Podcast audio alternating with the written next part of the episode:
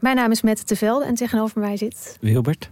En ik heb vrij veel last gehad van neerslachtigheid, eigenlijk nog steeds wel in het leven. En depressies. En volgens mij gaan we dat proberen op te lossen. We gaan jou redden. En de rest van de mensen. En de toch? rest van de mensen. Ja. Wie redt Wilbert? Dat is de vraag. Wie helpt hem bij de kwesties en problemen van vandaag? Luister naar Wie redt Wilbert en de rest van de mensheid. Een podcast van de VPRO voor NPO Luister.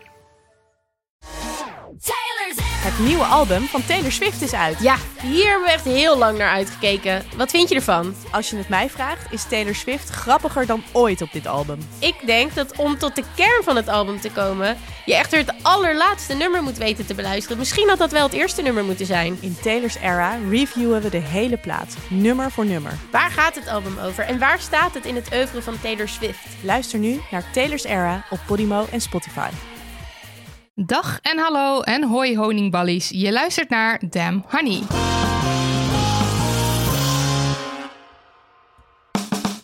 De podcast over shit waar je als vrouw van deze tijd mee moet dealen. Mijn naam is Marilotte. En ik ben Nidia. Welkom maar weer en wel bij aflevering 48. Een aflevering die we maken in samenwerking met Artsen zonder Grenzen. En die hoort bij de podcastserie Grenzeloos. In de podcastserie Grenzeloos maken verschillende Nederlandse podcasts een aflevering met een medewerker van Artsen zonder Grenzen om op die manier verhalen te delen over hun grootste noodhulpoperatie ooit rondom het coronavirus. We hebben al heel wat afleveringen gemaakt rondom het coronavirus. Over eh, racisme, over abortus, validisme, sekswerk. Maar we hebben het daarin vooral gehad over hoe het virus op verschillende manieren mensen treft in Nederland. Terwijl we toch echt te maken hebben met een wereldwijde pandemie. Het treft vrijwel elk land, maar in sommige landen waar al sprake was van onrust, conflicten en of ziektes, maakt het de situatie complexer. We praten er vandaag over met Ton Berg. Ze werkt al zo'n 25 jaar voor Artsen zonder Grenzen. Niet als arts, maar als manager. Als head of mission is ze verantwoordelijk voor het reilen en zeilen van een missie en zorgt ze ervoor dat de medische mensen hun werk kunnen doen. Voorheen ging ze een jaar lang op missie, zoals dat gebruikelijk is bij Artsen zonder Grenzen. Ze heeft onder andere gewerkt in Libië, Myanmar, Haiti en Afghanistan. Sinds ze de pensioensgerechtigde leeftijd heeft bereikt, valt ze in waar nodig. Want ze voelt er niets voor om thuis te zitten en niets te doen. Liever is ze in het veld om nuttig te zijn. Zo is ze net terug uit Congo, waar ze half maart heen ging om de oostelijke provincie Zuid-Kivu voor te helpen bereiden op de komst van het coronavirus. Welkom Ton. Dank je. Ja, ik las dat jij ergens halverwege de jaren negentig als manager in het bedrijfsleven werkte. Dat je toen dacht van ik ga even één jaar voor Artsen zonder Grenzen. En here we are. Ja, dat ging helemaal mis. Ik vond het na één jaar zo fantastisch dat ik gebleven ben. Dat je bent blijven Ja. hangen. Ja. Straks gaan we het uitgebreid met je hebben over de situatie in Congo, ehm, nu met het coronavirus. En we zullen het ongetwijfeld ook hebben over je eerdere missies voor Artsen zonder Grenzen. Maar eerst even het volgende. Nidia, heb jij nog iets onfeministisch uitgespookt lately? Nou, ik had een, een onfeministische gedachte die ik gelukkig ook snel weer wegdrukte. Het is de afgelopen dagen heel heet geweest. Oh ja? mag ik dat van Ton eigenlijk niet zeggen, want hier, het valt wel mee hier. Is ook helemaal waar. Eh, en ik heb alleen maar rondgelopen in mijn, wat ik noem, een Spice Girl badpak. En dat is dus een felroze, hoog uitgesneden touwtjes, eh, dingetjes, friemeltjes badpak. En toen eh, schoot zo door mijn hoofd van, eh, oh jammer, daar ben ik binnenkort te oud voor om dat aan te kunnen. en toen dacht ik, huh? Nee, je bent nooit te oud om iets aan te kunnen, maar het schoot wel door mijn hoofd. Dus Ook dat over- is mijn, Ja, ook over 30 jaar mag jij je Spice Girls out. mag ik hem nog aan? Ja. Ja. van de wereld. Ja, maar het- het- ik dacht het dus wel. Marilot. Ik fiets, ehm, of fietste eigenlijk al weken rond met eh, zachte banden, zachte fietsbanden. En nou kan je denken, wat is daar nou weer voor onfeministisch aan? Maar de reden ervoor was een tikkeltje onfeministisch. Namelijk dat ehm, mijn fiets heeft zo'n raar ventiel... waarvan ik meestal niet zo goed snap eh, hoe het werkt en hoe ik hem moet oppompen. En eh, ik heb nu wel door dat ik hem kan oppompen met zo'n zo'n slang uit de muur bij de, bij de fietswinkel hier in Een de gewone buurt. fietspomp doet het niet op jouw fiets. nee, tenminste, ik krijg het niet. Ik doe, nee, weet niet. Nou, dit is mijn manier om mijn maar gewoon een vrouwtje. Maar de vorige keer, ja precies. En de vorige keer dat ik dus mijn fietsbanden ging oppompen, kreeg ik het weer, kreeg ik het niet voor elkaar met die slang. En toen vroeg ik een meneer daar om mij te helpen. En toen zei hij iets in de richting van, jullie vrouwtjes hebben ook altijd hulp nodig. Oh, hij hè?" zei wat ik net zei, maar dan echt. Hij Precies. meende het. Hij meende het en hij maakte er een soort van een quasi-grapje van. Maar ik vond het ook kut. En toen hielp hij me. En ik had er een, een echt een kutgevoel van overgehouden. Maar wat ik er dus ook aan overgehouden heb... is dat ik er gewoon niet meer heen durf. Ik, heb er gewoon, ik zag er heel erg tegenop om daarheen te gaan. Dus ik heb echt weken met zachte banden rondgefietst. En eh, nu heb ik... De, eh, eh, ik, ik zat dus ook... Ik ging eh gisteren best een eind fietsen. En toen zat ik dus ook in mijn hoofd maar dat kan niet, want mijn banden zijn zacht. Dus ik kan niet nu een heel eind gaan fietsen. Dus ik kon niet meer verder denken dan dat. Eh, tegen alle verwachtingen in heb ik hem gisteren eh, opgepompt... bij het Centraal Station. Maar dus niet bij de simpel. meneer die jou... Nee, niet bij de meneer. Dus dat is misschien nog wel redelijk onfeministisch... dat ik daar niet naar terug wil. Dat je het niet aandurft. Ja, dus dat.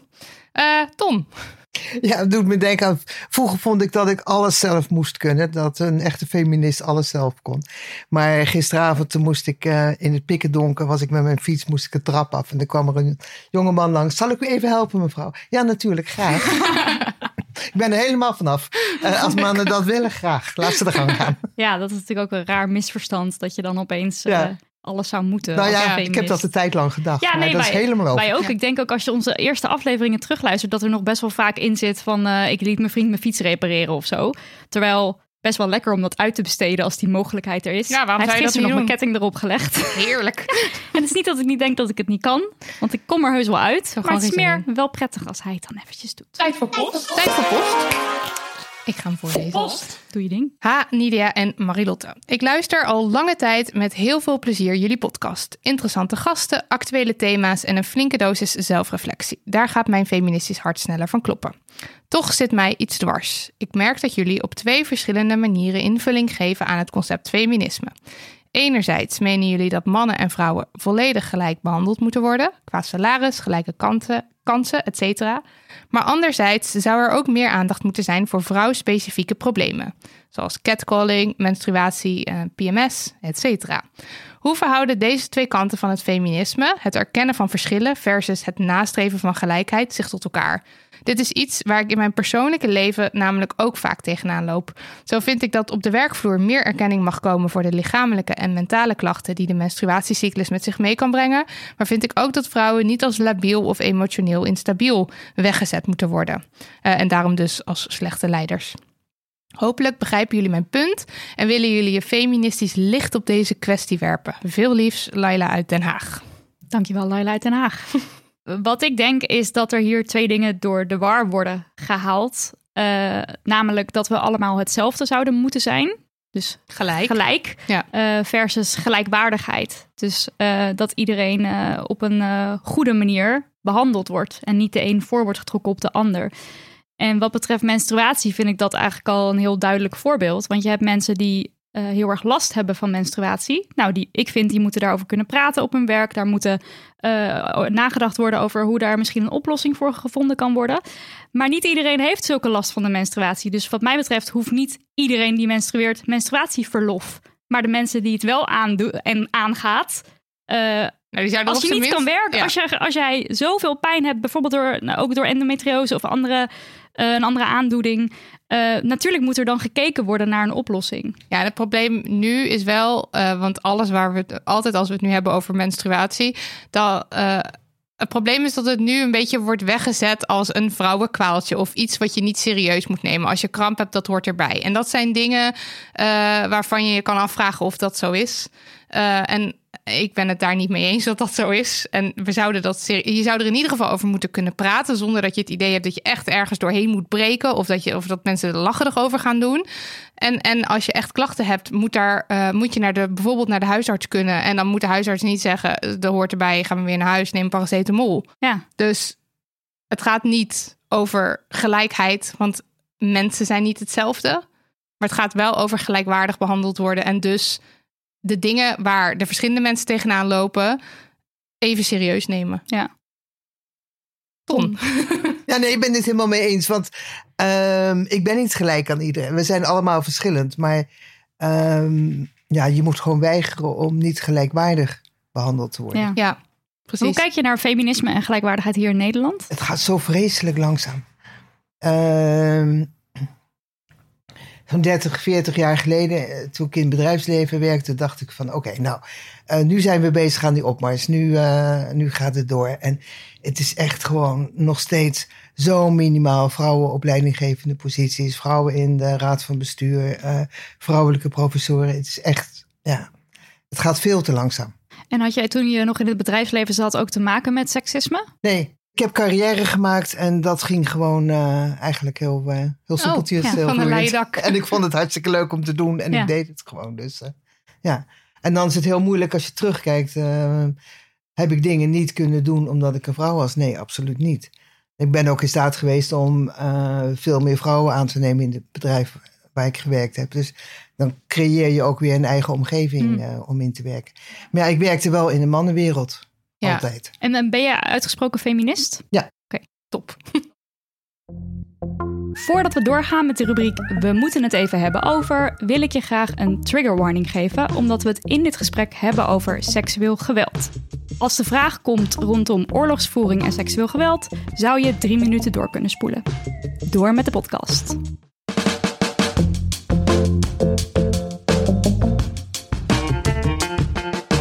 We moeten het even hebben over de impact van het coronavirus op plekken waar conflicten en ziektes zijn. Op die plekken stond de medische hulp überhaupt al onder druk, maar het coronavirus maakt de situatie complexer. We maken deze aflevering in samenwerking met Artsen zonder Grenzen in de podcastserie Grenzeloos.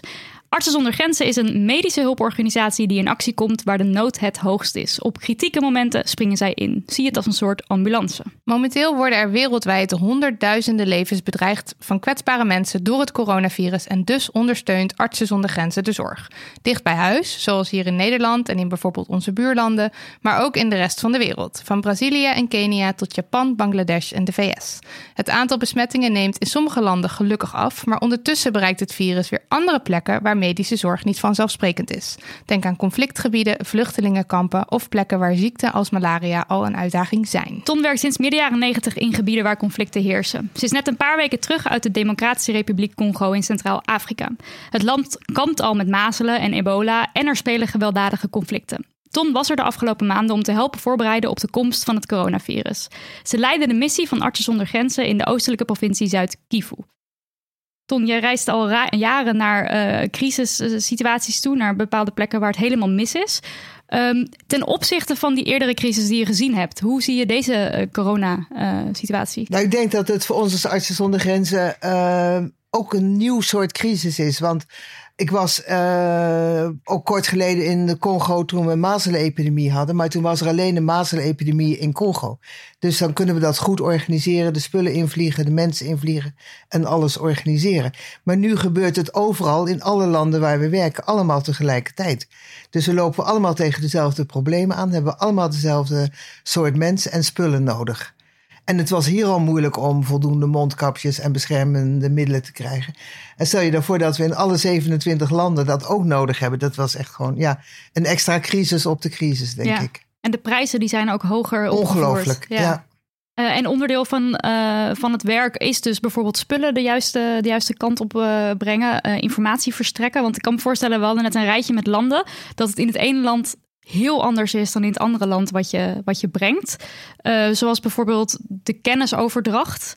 Um, in Nederland was dat geloof ik een van de grote dingen die ze hier uh, hielpen. In Nederland uh, hebben we vooral geholpen met uh, de psychosociale zorg voor de gezondheidswerkers zelf. Oh ja, zie, zie je. Ja. Dus dat is weer een hele andere aanpak hele dan andere, dat je in andere ja. landen misschien ja. bijdraagt. Ja. ja, maar omdat we dus weten dat als onze mensen in crisis werken, dan moeten de staf ook support krijgen. Ja. Uh, dus dat is een expertise die bij Artsen zonder Grenzen zit. En die hebben we toen gedeeld hier in Nederland. Dus zo is het toegespitst op de ja. spe specifieke ja. situatie. Hoe zie je het effect van het coronavirus op hoe het er dan al voor stond? Dus nou, bijvoorbeeld die middelen die zijn een stuk duurder om er te krijgen. Uh, je zei net al van als er ergens mazelen is, dan kunnen we ons daarop richten. Maar nu heb je dan ook opeens corona. Nou, het, het grote verschil is mazelen is dan in één land voor ja. Artsen zonder Grenzen. Dus dan uh, kan je alles vrij eenvoudig organiseren en regelen. Maar nu zitten we ineens met heel veel landen waar uh, we niet heen kunnen vliegen, waar we niet in kunnen, waar we niet uit kunnen. Uh, waar we spullen moeilijk in krijgen. En waar we ja, allemaal extra complicaties. En dan niet in één land, maar in alle landen tegelijkertijd. Ja, want normaal is het. Uh, normaal zit je niet ook in zoveel landen als waar je nu zit. Nee, we zitten al, Artsen zonder Grenzen zit in al die landen. Maar nu moeten ze in al die landen ineens allemaal hetzelfde doen. Ja, ja, ja. Voor corona zorgen. Ja. Dus uh, al die specifiek. Dat is aan één kant makkelijk, want alle kennis wordt gelijk gedeeld met alle landen. Uh, maar het maakt het complexer, omdat we nu ineens de middelen moeten verdelen over al die landen en prioriteiten moeten stellen van wat gaat waarheen en hoe organiseren we dat. En ook veel moeilijker om nu uh, mensen uh, binnen te krijgen die moeten helpen met de opzetten van de organisatie. Ik ben midden maart naar Congo gevlogen. En ik zat in een vliegtuig van Amsterdam naar Kigali met nog twintig mensen in zo'n grote Boeing. Hmm. Net een paar dagen voordat het hele luchtruim daar gewoon dichtging. En er is drie maanden uh, niemand in of uitgekund. Congo was afgesloten van de buitenwereld. Dus dat maakt het complexer. Maar aan de andere kant zijn we zo gewend om in complexe uh, situaties te werken. Dat, uh, ja, dan is het meer van: oké jongens, we staan ervoor, doen. En wat is dan, want dan zit je in het vliegtuig naar Congo. Wat is dan het doel als er zo'n missie door Artsen zonder Grenzen wordt opgestart daar? Waar werk je dan naartoe? We, we zitten al in Congo, al heel lang. Het is een conflictgebied. Oost-Congo is al 25 jaar een conflictgebied. Um, er zitten heel veel mineralen daar in de grond. Uh, er is goud, er is coltan, er zijn diamanten. Er zijn omringende landen die geïnteresseerd zijn. Het is duidelijk een failed state. De overheid um, probeert alleen maar ook te profiteren van die rijkdom. Uh, dus de gewone bevolking heeft uh, geen enkele support. Um, is heel vaak op de vlucht voor militia's of voor het leger. Dus daarom werken we er al. En we hadden al heel veel gezondheidscentra die we ondersteunden twee ziekenhuizen die we ondersteunen. Dus het is al een bestaand project. En binnen dat bestaande project, en dat is in heel veel landen gebeurd, zijn we extra activiteiten gaan ontplooien om ons voor te bereiden op COVID. Uh, heel veel uh, uitleg aan de bevolking.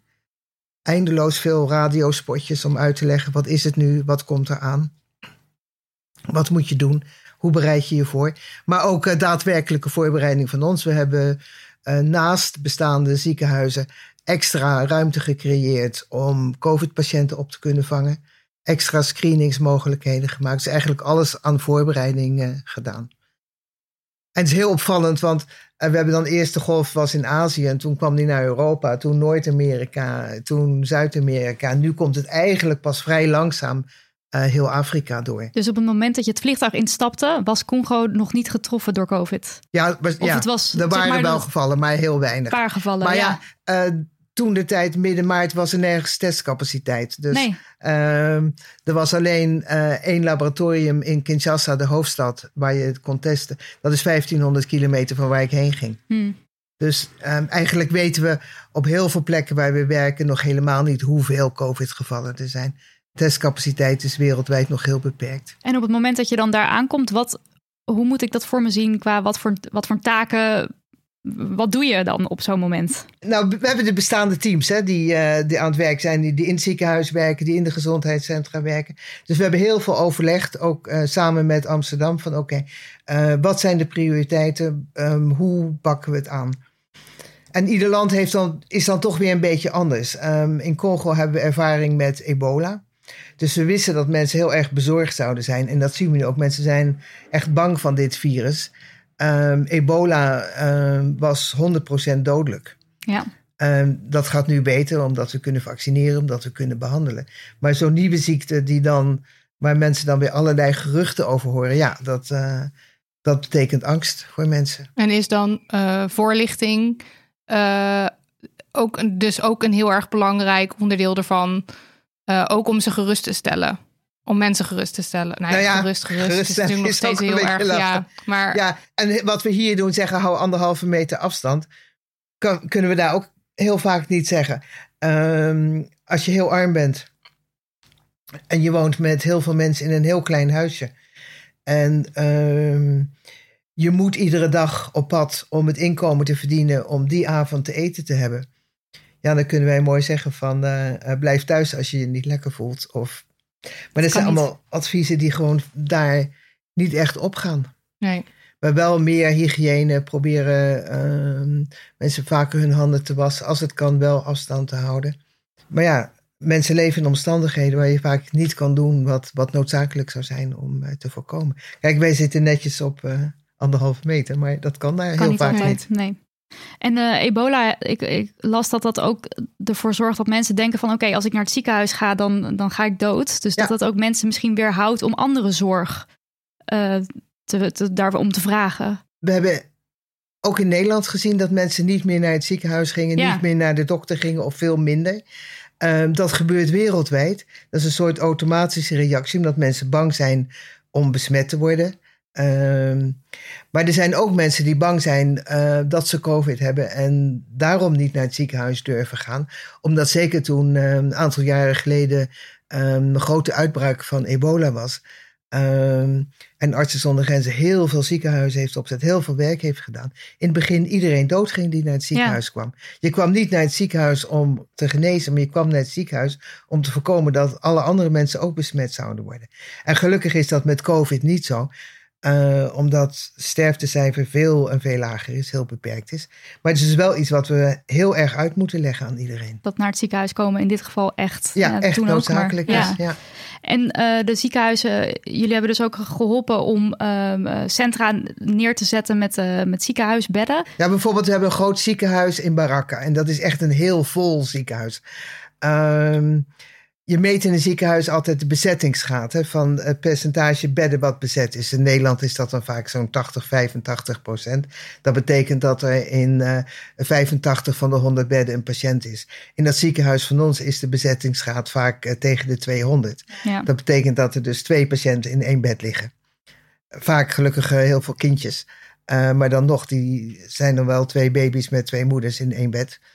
En dat, daar kan je geen COVID eh, gedeelte bouwen. Dat moet je echt separaat doen. Dus daar hebben we de school naast het ziekenhuis eh, helemaal omgebouwd tot een eh, COVID-center. Alle scholen in Congo zijn vanaf 19 maart al gesloten. Dus eh, we hebben ruimte zat. Nou, dat, Ja. Op die manier maak je Ja. dan gebruik van die ruimte. Ja. We zijn nu natuurlijk ook een tijdje verder, want half maart ging je die kant op. Hoe is de situatie dan nu? Nog steeds vrij beperkt. Ehm, steeds wel eh, meer gevallen, maar nog niet dat je kan zeggen eh, dat er echt paniek is of dat het echt heel erg grootschalig is. En niemand weet precies waarom. Eh, in sommige landen in Afrika gaat het nu echt heel snel. En andere blijven nog redelijk stabiel. heeft natuurlijk een beetje te maken met het beperkte aantal testen die gedaan worden. Maar we zien ook, kijk, als, zelfs als er niet getest wordt, dan hoor je nog wel in de gemeenschap wat er gebeurt. Dan zie je nog wel wat er gebeurt. Dus het is nog lang niet op zijn hoogtepunt. Ja, dus als er heel veel sterfgevallen zouden zijn die met al, al die klachten, dan kan je je conclusies ook trekken zonder te testen. Wat we in sommige situaties doen, wat noemen we graveyard watching. Dan zetten we gewoon iemand bij, het, ehm, bij een begraafplaats 24 uur per dag om te kijken hoeveel mensen er begraven worden. En dan weet je gelijk of er een piek is en het aantal doden. Hm. En dat valt nog heel erg mee. Gelukkig. Als je, als je daarheen gaat en je, en je probeert hulp te bieden, is het dan, eh, lukt het dan om de hulp te bieden aan de meest hulpbehoevende mensen?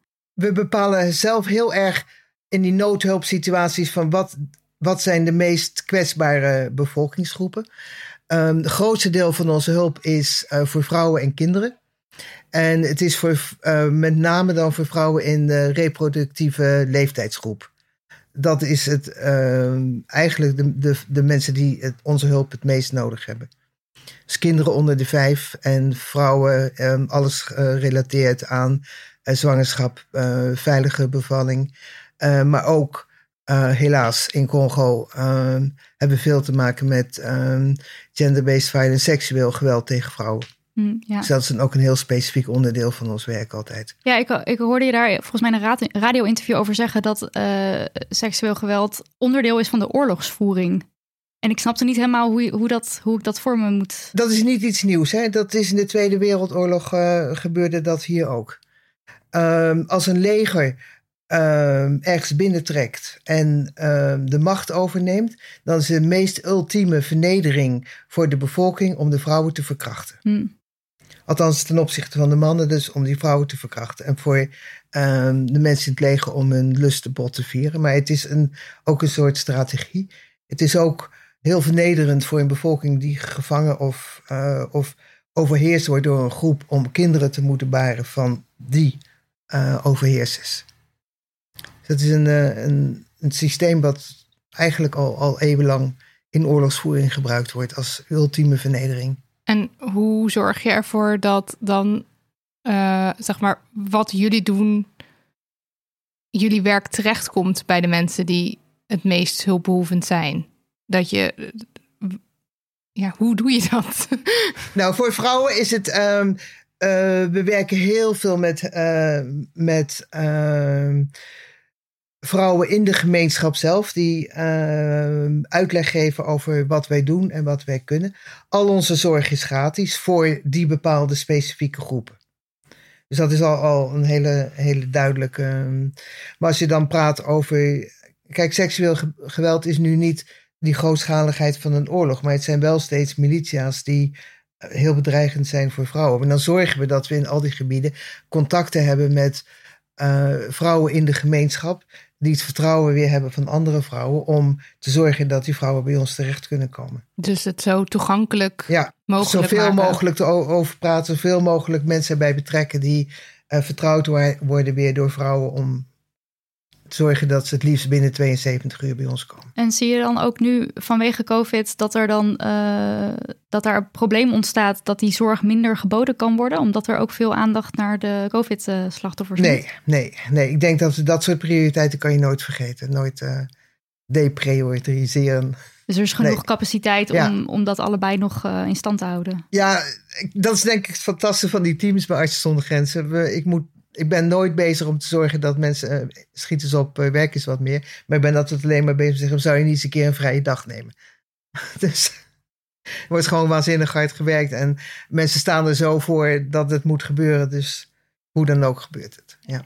Hoe ga je om met de tweestrijd om te willen helpen aan de ene kant, maar ook niet de witte redder te willen uithangen? Ja, en, um, ik heb nooit echt ontwikkelingshulp willen doen. Want ik, ik zou niet weten wat, wat mijn rol of de rol van de westerse wereld dan moet zijn. En daarom werk ik graag voor Artsen zonder Grenzen. Wij doen noodhulp. Wij doen hulp in die ge gebieden waar tijdelijk, en soms best wel is dat tijdelijk best lang, uh, de mensen zelf of een overheid niet in staat is of niet wil uh, de service verlenen die per se noodzakelijk is.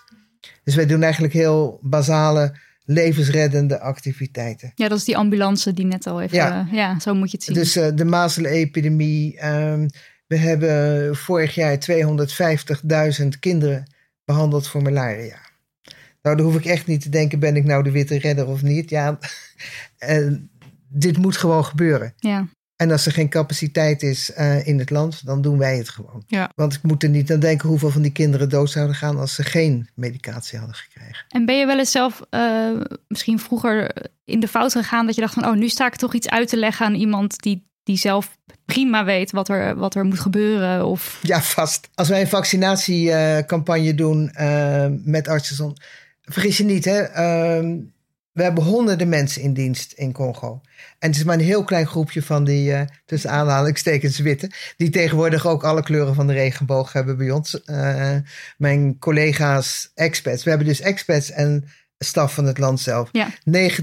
90% of meer zijn mensen uit het land zelf. En de andere zijn dan de expats. Maar die komen, uh, in mijn geval kwamen ze uit, was het Cameroen, Centraal-Afrikaanse Republiek, Filipijnen. Uh, Brazilië, Nederland, Canada. Dus het is ook al een heel gemeleerd gezelschap. Maar we zijn wel, denk ik wel heel erg bewust van wat voor rol spelen wij als hulpverleningsorganisatie in zo'n conflictsetting. Maken wij de situatie erger? En er zijn echt mensen die zich heel erg mee bezighouden. Brengen wij geen schade toe um, in een oorlogseconomie, omdat wij salarissen be, uh, betalen? Um, hoe werkt dat? Uh, kiezen we voor de juiste mensen. En voor specifieke programma's voor vrouwen, voor support. Ja, dat moet ontwikkeld worden en wordt ontwikkeld in samenwerking met de mensen waar het over gaat. Maar als het gaat over pure medische protocollen, dan is het de MSF-standaard die we gebruiken. Die je gewoon aanhoudt, ja. ja dat is ja. dan heel simpel. Ja. Dus met die, um, in, het, in het geval van bijvoorbeeld dat seksueel geweld, wat we net noemden, projecten daaromheen, daar werk je met de vrouwen samen die daar ja. zelf ook mee te maken hebben. En anders dan zeg je, dit is nu hoe het moet gebeuren. En dan, is het, dan heb je het meer over een, bijvoorbeeld een vaccinatieprogramma. Dus. Ja. Ik weet nog toen ik in Zuid-Soedan zat in een heel groot eh, kamp met 120.000 mensen, waar ook vrij veel uh, seksueel geweld was. En uh, bij de kliniek hadden we van die A4'tjes met een gele bloem. En die vrouw hoefde alleen maar naar die bloem te wijzen. En dan werden mm. ze doorverwezen naar een andere afdeling. Ze hoefden niks te zeggen ja. als ze binnenkwamen. Dat soort dingen leer je dan van die vrouwen. Van ja, we kunnen moeilijk binnenkomen en zeggen van... wat er aan de hand is. Wat er aan de hand is. Dus ze hoefde alleen maar te wijzen naar die bloem. En dan werden ze gelijk doorverwezen. Dus dat soort dingen leer je van de vrouwen zelf. Dat hebben wij niet uh, bedacht. Maar dat komt doordat je samenwerkt met mensen. Wat ik ook las, is dat je dat onderdeel van je werk ook uh, onderhandelen is. En onderhandelen met uh, de overheid of met de rebellen.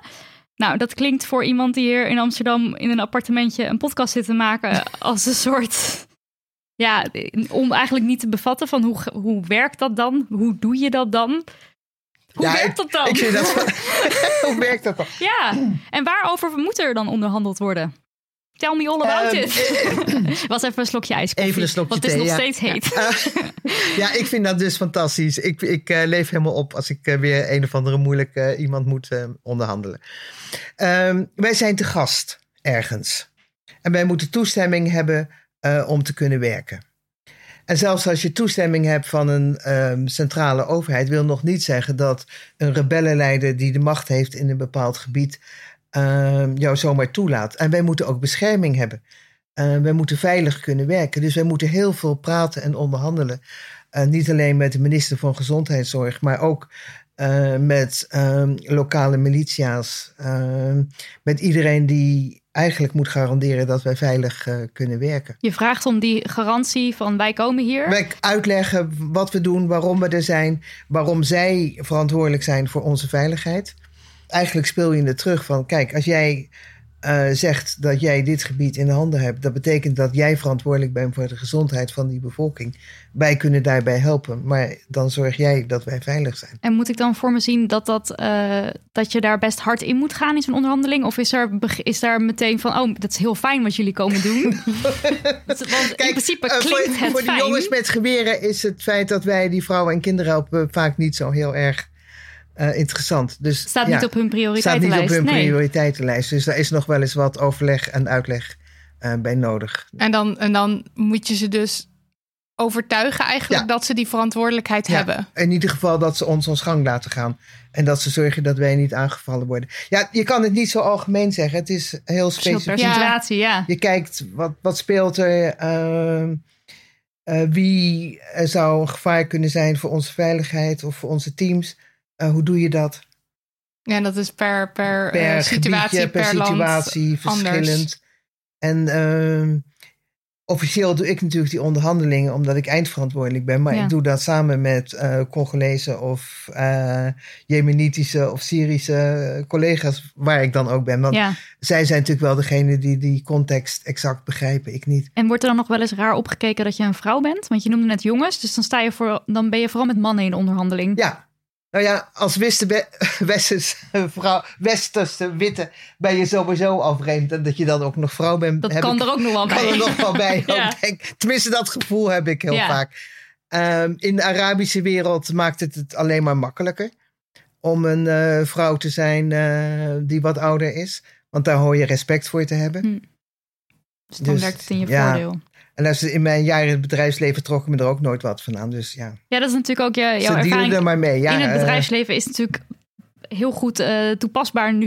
In Ja. dit soort onderhandelssituaties. Ja, ja. En, dan neem je eh, mee. Want ik las dus wel in, in, in veel interviews wordt jouw vrouw zijn wel vaak aangehaald als een eh, deze vrouw onderhandelt met rebellen. Vind je dat vervelend? Nou ja, af en toe denk ik wel van... Kan me ja, voorstellen. Oei, eh, eh, Het is wat het is. Doe ik gewoon mijn Ja. werk, hallo. Het is mijn werk, ja. Ja. Ik ben blij dat ik een vrouw ben, maar dat maakt niet uit dat ik beter of slechter onderhandel, denk ik. Nee. Nee. Maar dat het dus elke keer weer op, eh, opgehaald wordt, dat, eh, Dan zeg ik evenwicht en dat. ja, zoals nu. Ja. Eventjes een warme, een warme zucht.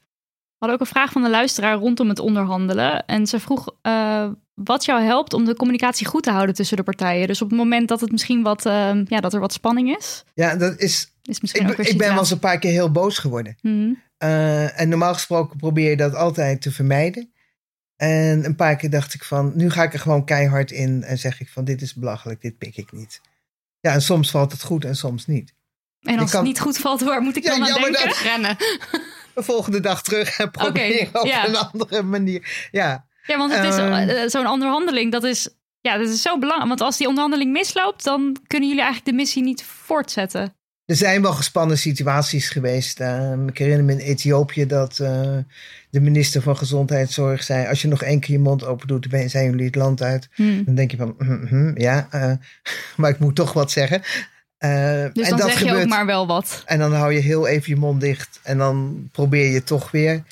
Het in Soudaan ook gehad in de Darfur-crisis. En toen zijn inderdaad alle hulpverleningsorganisaties eruit gezet. Hmm. Maar dat betekent niet dat je je mond moet houden over wat je ziet. Eh Artsen zonder Grenzen spreekt zich uit over wat ze zien en over wat wij meemaken. En als daar dingen gebeuren die absoluut onacceptabel zijn, dan houden we onze mond niet dicht. En dat kan ook niet. Nee. Dan praten we daarover. En dat is eh, natuurlijk vaak niet op prijs gesteld. Maar ja, En aan wat soort dingen moet ik dan denken dat je. Want in principe is het statement van Arts zonder Grenzen: wij helpen iedereen, toch? Van het, is, het maakt ons niet uit aan welke kant. Of ik weet niet of ik het nu goed uitleg, maar jullie zijn er voor de mensen. wij zijn er voor de mensen. Ja. Eh, maar we zijn er niet alleen om eindeloos dat pleister weer te plakken. Hmm. Eh, als we zien dat mensen eh, geen toegang krijgen tot eh, deugdelijke gezondheidszorg. Als een overheid die zegt dat ze vaccinatiecampagnes doen, dat niet goed doet. En daar met de pet naar gooit en alleen probeert om geld van de internationale gemeenschap te krijgen. Dan houden wij onze mond niet Ja, dicht. ja, ja. Ehm, als, we, als wij zien dat er geweld tegen bepaalde groepen gebruikt wordt, systematisch, houden wij onze mond niet dicht. En bij, in ons, dat is, dan, dat is ook een van jouw. Ook, maar ook specifiek een van jouw taken om dan die gesprekken te gaan voeren? Of is er dan Nou, weer iemand anders? Dat zijn vaak gesprekken die niet op landniveau gevoerd worden. Hmm. Dat zijn vaak gesprekken die met andere internationale spelers gevoerd worden. Het zijn wel dingen die. eh, als ik het dan bijvoorbeeld heb in Congo over eh, een overheid die claimt dat ze een fantastische vaccinatiecampagne doet en wij zien dat het gewoon niet gebeurt in de praktijk, ben ik degene die daar natuurlijk over in gesprek gaat. Eh, maar als het gaat over geweld, eh, zoeken we vaak meer eh, samenwerking met andere organisaties om te kijken van oké, wie kaart nou wat aan? Hoe doen we dat nou? Zodat we de mensen het best helpen. We hebben nog een luistervraag.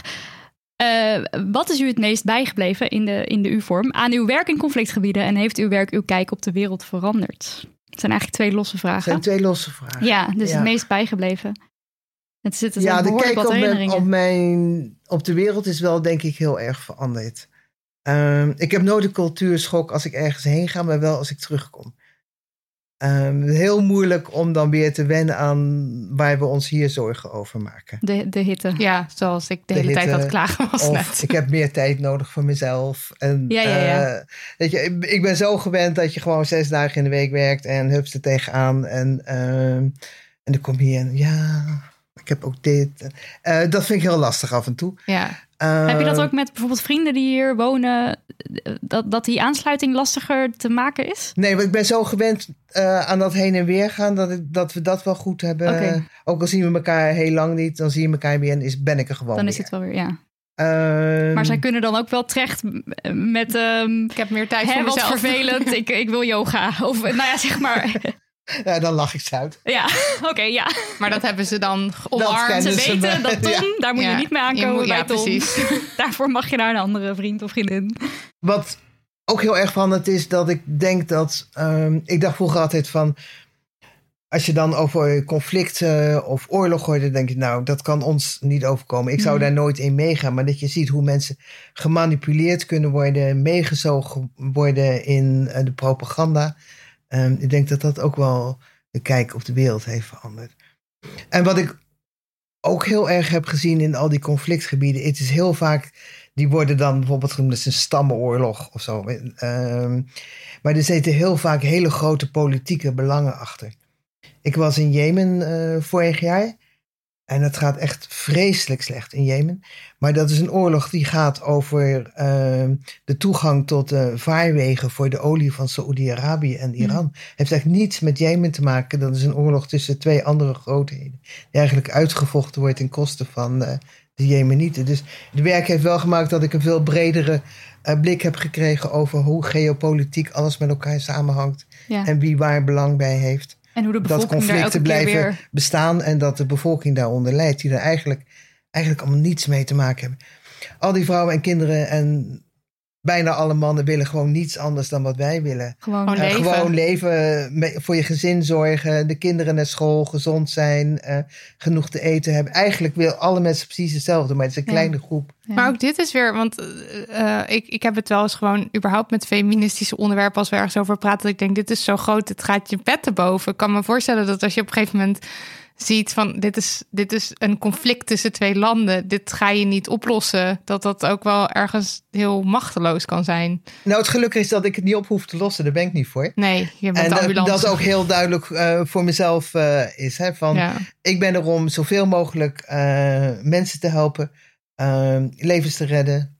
Klinkt dan een beetje hoogdraad misschien, maar gewoon echt te zorgen dat we gezondheidszorg bieden aan die mensen die het nodig hebben. Ik los het conflict niet op. Ik zorg niet dat er een behoorlijke regering komt. Ehm, nee. En dan zeggen mensen, word je daar dan niet moedeloos van? Dan denk ik, ja, maar als ik thuis zou zitten, zou ik nog moedelozer worden, want dan weet ik het ook en dan doe ik er niks aan. Ja, want Ja. zoals nu met COVID had je er ook voor kunnen kiezen om niet het vliegtuig Ja. in te stappen. Maar ja, dan heb je dus de keuze, ga ik zeven dagen eh, in de week eh binnen zitten? Me Of ga time. ik gewoon wams? Ja, dan is voor mij niet zo moeilijk. Ik Nee. vind dit dan gewoon... ehm, ik vind het ook voor mezelf veel bevredigender, veel leuker om te doen. Ja. Ehm, ik kan er mijn hart en ziel in kwijt. Dus waarom zou ik eh, dan thuis gaan zitten? Ja. Ja. En zijn er situaties die je scherp zijn bijgebleven? Ik denk dat wat het meeste bijblijft, zijn een aantal gezichten van mensen. Ik zal nooit zo'n jongetje in een ziekenhuis bijna verlaten Alle personeel was weggevlucht. En het kind zit daar en dat kijkt zo op eh, van waar ben ik hier? Wat gebeurt er hier? Ja. Ehm, maar ook ehm, ja, voor veel vrouwen met wie je dan... Ik heb natuurlijk niet zo heel veel contact met, ehm, met de mensen, omdat ik eigenlijk een soort kantoor- en onderhandelingsfunctie heb. Maar ik probeer zoveel mogelijk in de ziekenhuizen te komen, in de gezondheidscentra. Ja, en dan mensen zien en ja, dat is dan dingen die je bijblijven. De verhalen ook de die je dan verhalen hoort. die je hoort. Maar ook bijvoorbeeld een voedingscentrum waar daar komen kindertjes binnen als ehm, kleine geestjes, geen enkele energie meer in. En als je dan ziet hoe ze na een paar dagen weer eh, eh, opkrabbelen en die oogjes weer gaan leven en zo. Ja, Ja. dat zijn de kleine dingen denk ik die het meeste, ja, niet Indruk per se de maken. grote... meeste indruk dingen. maken. Ja. En wij maar over die rebellenonderhandelingen steeds. ja, maar goed, dat, dat is een deel van, van, eh, van mijn werk wat ik gewoon ontzettend leuk vind om te doen. En die rebellen staan natuurlijk niet iedere dag op de stoep. Dat is meer, ehm, dat moet een keer in dat gebied. ehm, en dat is niet eh, het grootste deel van werk. Ik ben wel vrij veel in overleg met ministeries. ehm, altijd om te zorgen dat we kunnen werken. En om te proberen om hun ook de richting heen te duwen van... hey, pak jouw eigen verantwoordelijkheid. Wij zijn er niet om eh, jou te vervangen. Maar verder moet ik dan bijvoorbeeld vooral denken aan eh, dat, je, dat je in een kantoor zit en eh, aan het bellen bent of regelen. Of, of Ja, we hadden wel ook heel veel beperkingen met reizen. Dus ik zat net als in Nederland de hele dag in Teams, Skype, Zoom, ja. whatever. Het enige verschil was toen ik terugkwam, merkte ik dat iedereen hier elkaar kon zien als ze dat deden. Maar dat kan daar niet, omdat je dan te veel eh, capaciteit nodig Oh, dus het is hebt. allemaal via, Oh, ja. de, via het geluid. Ja. Alleen maar geluid, ja. Ja. En de, de mensen in de projecten, daar heb je natuurlijk sowieso heel veel contact op afstand mee. Eh, maar ik probeerde altijd zoveel mogelijk te reizen naar de projecten, omdat ik dat het leukste vind. Ja, het is gewoon heel veel overleggen, vergaderen, organiseren.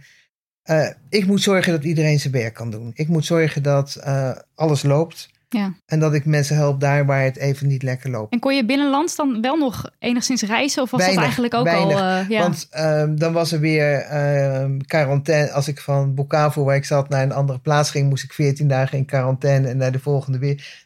Als ik het uitgerekend was ik alleen maar in quarantaine. Ja, dan. Maar dat is natuurlijk wel echt het lastige nu met het Ja. coronavirus. Dat, dat eigenlijk alle luchtruimen ook worden afgesloten. Gewoon om maar te voorkomen dat Ja. die besmettingen zich verspreiden. Ja. En daar moet en dus ook de hulp wordt Ja. daardoor Maar wij- stil ja. wordt gelegd. Ja. Ja. Dus wij konden ook gewoon niet, eh, bijna niet reizen. En bijvoorbeeld zo'n vaccinatieprogramma dan? Want daarmee roep je ook mensen op om ergens heen te komen? Of ga je specifiek naar, naar plekken toe om dan eh, te vaccineren? Eh, vaccineren, dat doen we dan. eh, ga- dan gaan we gewoon met een team naar die plekken waar het nodig is. Ja, oké. Dus dat, dat kan Ja, in principe kan. doorlopen. Ja, maar daar hebben we ook weer andere maatregelen. Normaal doen we de vaccinaties in de gezondheidscentra. Die hebben we nu verplaatst naar scholen. Oh ja, want leeg. Ja. Die, want leeg en dan minder mensen bij elkaar.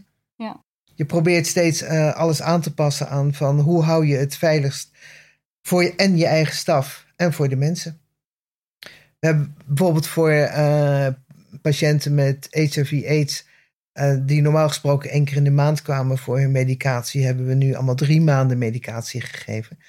Eh, zodat zij minder vaak naar een gezondheidscentrum moeten komen. Dus minder vaak het risico lopen om in Ja. contact te komen. Ja. Dus het zit hem ook in het, gewoon in het eh, nadenken, Nadenken van hoe kunnen van, we, ja, ja, hoe, hoe kunnen we dit soort nou slim? slimme, ja. Ja. En heb je altijd al deze functie dan gehad bij Artsen zonder Grenzen of is daar ook verandering in geweest? Ik ben nu interim, maar ik heb wel altijd dezelfde functie eh, gehad. En, en dat je dan nu terug bent, want je bent interim, je bent terug uit Congo. Betekent dat dan van your job is done? Ja, er je zit kan nu, het loslaten? Er zit nu iemand anders eh, en die gaat het eh, een hopelijk nieuwe een ton. hele een nieuwe ton. Ja, die gaat het voorlopig een jaar, hopelijk een jaar blijven zitten. En dan eh, Ja, ga ik ja. daar niet meer heen terug. Dus jij bent echt voor de, voor de opstart van alles. Nee, niet- nou ja, nee, nee, want ze zitten er Nee. al. Ja, weet ik wel. we- Weet nee, ik kom als er. ehm, ik val in als er iemand onverwacht eerder terug moet naar Oh, huis. Ehm, als er wel al een nieuwe gevonden is, maar die kan niet op tijd, dan zit ik in die tussentijd er. Of er zijn een aantal specifieke dingen waar ze vragen van... kan jij daar nu zo'n paar maanden wat gaan doen? Dan word je Ja. opgetrommeld. Ook opgetrommeld. dus dat betekent nu dat je eigenlijk eventjes Niets. helemaal niks hebt. Helemaal niets, ja. En wat Heerlijk. doe je dan? Yoga. Nou, dit was best een zware. Ik ben even, uit, eh, even lekker uitgerust. Maar wat maakt het dan zwaar? werken in een onveilig gebied waarvan je weet dat ehm, er een pandemie aan zit te komen die we niet zo goed eh, begrijpen nog. Want we, we weten niet welke mensen nou het meest kwetsbaar zijn. Dus die onrust over iets wat je niet weet hoe het gaat hoe, het, zijn. hoe, je, hoe je het gaat doen. In ja. vergelijking en dan met Toch alle, ja. Dus dat is. En maar dan goed, dan eh, werk je een paar maanden heel hard. Dus moet je even een paar weken een beetje Ja. chillen.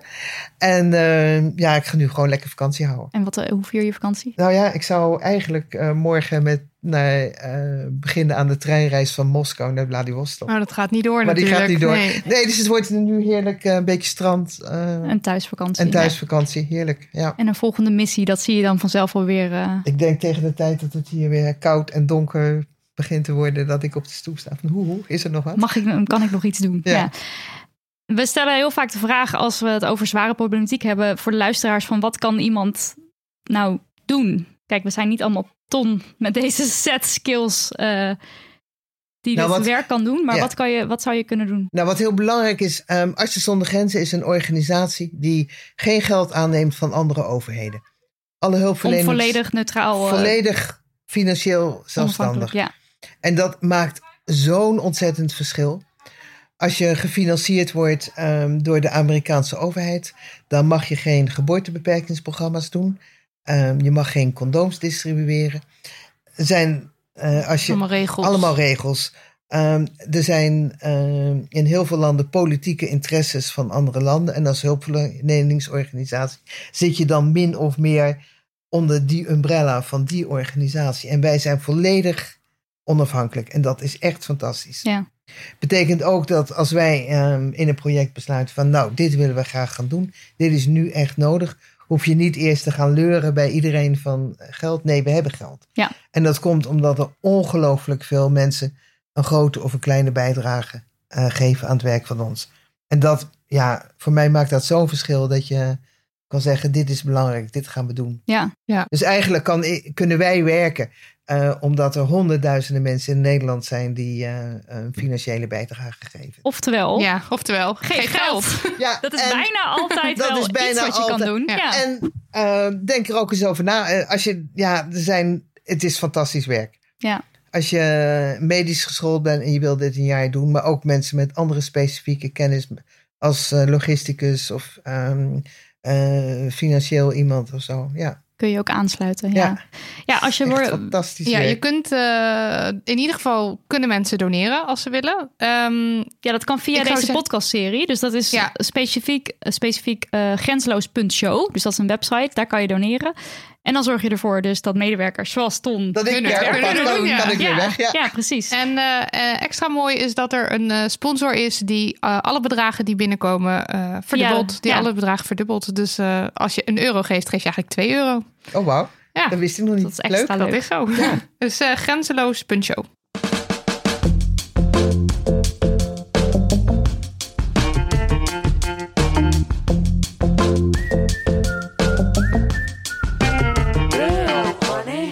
voor onze afsluitende rubriek de Damn Honey No. Iets waar we de afgelopen tijd boos van werden. En de Damn Honey Yes. Iets waar ons feministische hart sneller van ging kloppen.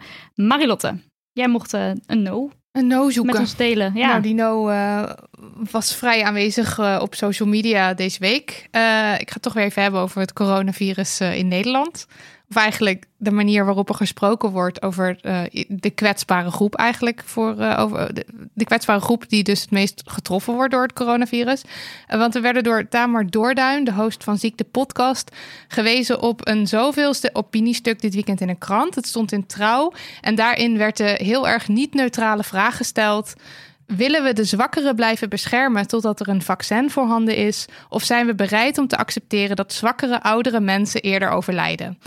En die vraag stellen is heel erg niet oké, want het is gesteld vanuit een able-bodied bril, vanuit uh, mensen zonder beperking die dan uh, en, en die jong en ja, jong zijn uh, en die dan de vraag gaan stellen of we bereid zijn om onze vrijheden op te offeren. Dus het is heel naar.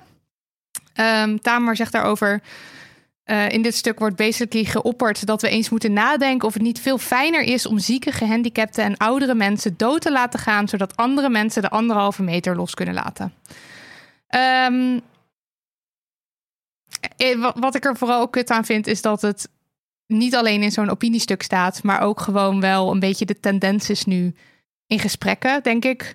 Uh, ook op social media zie je het wel, dat die vraag gesteld wordt of, de, of, of een opmerking wordt gemaakt van nou gelukkig worden alleen uh, de oudere mensen of mensen met onderliggend lijden of zo ja, dit getroffen. was ook een quote, toch? Uit een... Uh... Ja, weet ik niet. Ja, ik, ik weet gewoon... het gelukkig. Dus het gelukkig, gelukkig treft het alleen. Tamer die had nog een paar eerdere stukken, had ze quote uit. Dus dan, ze zegt dan: eerder was het al een geluk dat het virus vooral zieke en gehandicapten en oudere mensen oogsten. Ja, dat, dat ja, is echt die zo naar. Ja. En, en, degene die dat schrijft, die blijft ook maar zeggen van... ja, maar met oogsten, dat is gewoon een term. En dat is... Dat is niet gewoon nee. een term, dat is echt maar heel, los, heel los naar. daarvan, er staat nog steeds gelukkig in Ja. die zin. Wat natuurlijk ook al, waar Tamar ook uh, er, uh, woede Ja. over heeft uitgesproken. Dat is waarom ik dit nu zo scherp heb. Ja, en, uh, en, uh, en Marianne Zwagerman die dan uh, die het de term doorhoud uh, introduceerde. En Omdat ook gewoon weer een, uh, een twee pagina groot interview afgelopen weekend Ja. in volgens mij Volkskrant Van nou, mag. gelukkig heb ik mensen aan het uh, denken. Nou, sorry hoor. Uh, Nou, en, oh, heel naar. En um, even uh, uh, hartstikke kut. Ik vind het gewoon überhaupt heel, heel naar hoe er gepraat wordt over, over een groep mensen. Alsof ze disposable zijn. En Ja. dat zegt Tamer zelf ook. Wat ik dan wel weer uh, een goed iets vind, is dat sinds een paar dagen de hashtag, uh, hashtag geen doorhoud uh, viral gaat op social media. En die hashtag geeft een gezicht aan de groep waar nu dus best wel met veel minachting eigenlijk over gepraat wordt. Het is een, goede actie, want die groep is niet per se zichtbaar. Je ziet ze niet in de media. Uh, je ziet ze vaak ook niet in de wereld om je heen. Uh, bijvoorbeeld omdat ze um, uh, housebound zijn, omdat ze veel thuis zitten of ergens niet in kunnen, want de wereld is al fucking ontoegankelijk. Of je ziet het niet aan ze, want ze liggen in bed als ze het hebben en verder zie je het niet. Het is gestart door Jacqueline Davis, die zelf chronisch ziek is. En uh, het idee daarachter is, wij zijn mensen met een verhaal en een gezicht. En ik wil dat je ziet wie de mensen zijn die jij denkt dat dood moeten, omdat jij naar het strand wil en lebberkussen wil geven op een verjaardag. Mensen denken uh, dat mensen in de risicogroep, gehandicapte mensen, oudere mensen, geen nut meer hebben. Dat iemand als ik geen nut heb. Ik heb ook mensen die van me houden. Ik heb ook allerlei dingen die ik leuk vind. En ik ben waardevol. En daarom wil ik ook zeggen van nou, ik ben geen doorhoud. En dus plaatste Jacqueline dit bericht op Twitter. Ik denk dat als jullie allemaal toch blijven praten over dat risicogroepen dood mogen, dat jullie eens de gezichten en of verhalen moeten bekijken van wie jullie opofferen. Ik start. Ik ben Jackie, 38 jaar, partner 10 jaar, een kattenober 4 katten en ik ben geen doorhoud. Ik vind de reden achter de hele actie te treurig voor woorden. En uh, je zou als mens met een chronische ziekte of een beperking niet de reden moeten hoeven geven waarom je van waarde bent. Want dat is eigenlijk wat er nu hier gebeurt. Dus dit is waarom ik, ik ben dit en dit en hierom hoef ik niet dood. Dat is toch echt verschrikkelijk. Maar ik ben blij dat die bestaat. Ik krijg er buikpijn van. Ja, ik, las ook van, ik las ook dat Chucky uh, zei van dat ze ook veel heeft aan gewoon de verhalen onderling en de steun onderling ook. Dus dat je zou moeten bewijzen dat je geen doorhoud bent, is natuurlijk belachelijk. belachelijk en dat ja. is ook denk ik niet haar insteek geweest. Nee, nee, nee. Maar dit is wel een beetje natuurlijk het is niet de insteek, maar het is wel het gevoel wat je Ja. erbij krijgt. Ja, het en is dat vooral het gezicht pijnlijk. natuurlijk. Ja. Ja, maar ik vind het ook, want ik kan er ook wel, ik, ik zag er een, een aantal langskomen op Twitter en dan ben ik toch ook wel, het is ook wel zo'n saamhorigheidsding waar, waar ik dan wel weer blij van werd. Maar eh, dat hele doorhoud en oh, ik, buikpijn. Ja. De yes.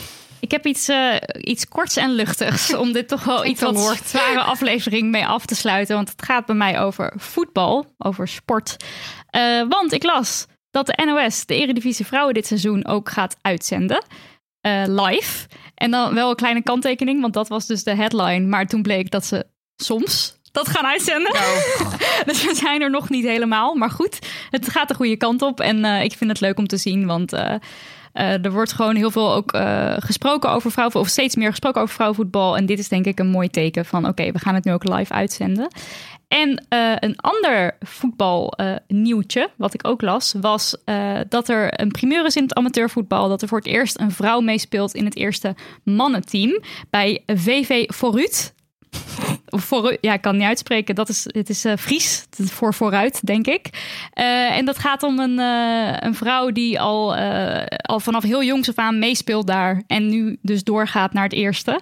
Eh dat is Ellen Fokkema en ik heb ook een klein fragmentje voor jullie. De KNVB start komend seizoen een pilot met voetbalvereniging VV Vooruit uit het Friese plaatsje Meenaam om vrouwen mee te laten doen in de A-categorie bij de mannen. De 19-jarige Ellen Fokkema is de eerste vrouw die dispensatie krijgt. Ik speel sinds mijn eh, vijfde al bij deze club en altijd al bij de jongens. En eh, ik heb altijd al voor mijn ge- plezier gevoetbald. Dus daarom wil ik eigenlijk ook hier wel blijven om met mijn vrienden te kunnen voetballen. In de loop der jaren heeft ze zich stevast bewezen als een, een, een dragende kracht van eh, de hoogste selectieteams. Jarenlang staande kunnen houden bij, het eerste, bij de eerste klasse en eh, in de hoofdklasse. Dit doet ze met name door haar eh, handelingssnelheid en haar spelinzicht. Fysiek ja, is, het, is het soms iets minder dan bij de mannen natuurlijk. Dat, dat is een bekend gegeven. Vrouwenvoetbal werd in 1971 door de KNVB erkend. Het gemengd voetbal werd in 1986 geïntroduceerd en in 2020 is Ellen Fokkema de eerste vrouw die gaat meespelen bij de A-categorie mannen. Ja, het wordt natuurlijk wel moeilijker omdat het allemaal eerste elftallen zijn. Maar eh, ja, we zien het wel en ik probeer het. En als het niet wil, dan wil het niet. En dan zie ik volgend jaar wel weer wat ik doe. Ja, en dan doet ze, zegt ze in dat interview, maar als het niet lukt, dan ga ik wel weer terug. En dan denk ik van, kom op meid. Het gaat je lukken. Het gaat je lukken. ja. Maar waarom dan altijd weer denken dat het misschien niet gaat? Ja, ja toch die, eh, die, dat Ja. eh, zekerheidje ja. inbouwen. Van, eh, Tuurlijk gaat het. Ja. Onzin. Maar ik, er was iemand op onze Slack, dat is een soort forum wat we hebben, die zei van hoe raar eigenlijk dat we eh, dat die man-vrouw verdeling er is. Dus, dus zij zei van oké, ik snap het wel dat op het moment dat je met een groep te maken heeft die bijvoorbeeld eh, nou, minder spierkracht, vrouwen, dat je die met elkaar tegen elkaar laat strijden. Maar waarom moet er in het beste team? Waarom mogen alleen mensen met penissen in het beste team? En toen had ik zoiets van ja, inderdaad. Dus ik snap wel dat als je met een groep mensen te maken hebt, hebt die ehm, misschien niet zo goed zijn, om welke reden dan ook, dat die een soort van restricties hebben. Van goed, Ja. we spelen hier maar ik denk dat het nu leuk gaat worden met voetbal, want die jonge meiden die zitten allemaal in gemengde teams. Ja, die beginnen Dus- allemaal met dus gemengde teams. Maar dan, wel. dan ja, maar nu dus, kan het wel doorgroeien. Ja, dus dat het nu langzaam dat er verandering in gaat komen. Ja, dat, Maar hoop dat ik. dat hoop ik dan. Want ik vind dat toen zij dat schreef, dacht ik, ja, Ja. waarom is dat eigenlijk? Ik Ja. snap het niet. Want dan kan je toch gewoon De iedereen beste zijn toch gewoon de beste? Ja. Maakt dan toch niet uit wie of, wie of wat. Helaas, Maar- je hebt een veel vaak. ja, heel raar. Dit was aflevering 48. Ton, bedankt.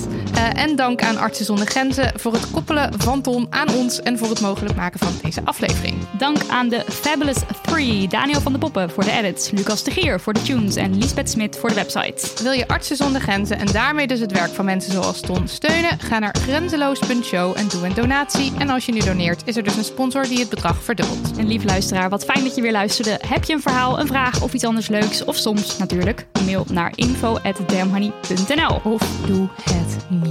Zelf weten. Dag ballies. Billy's en andersoortige types. Joejoe. Doei.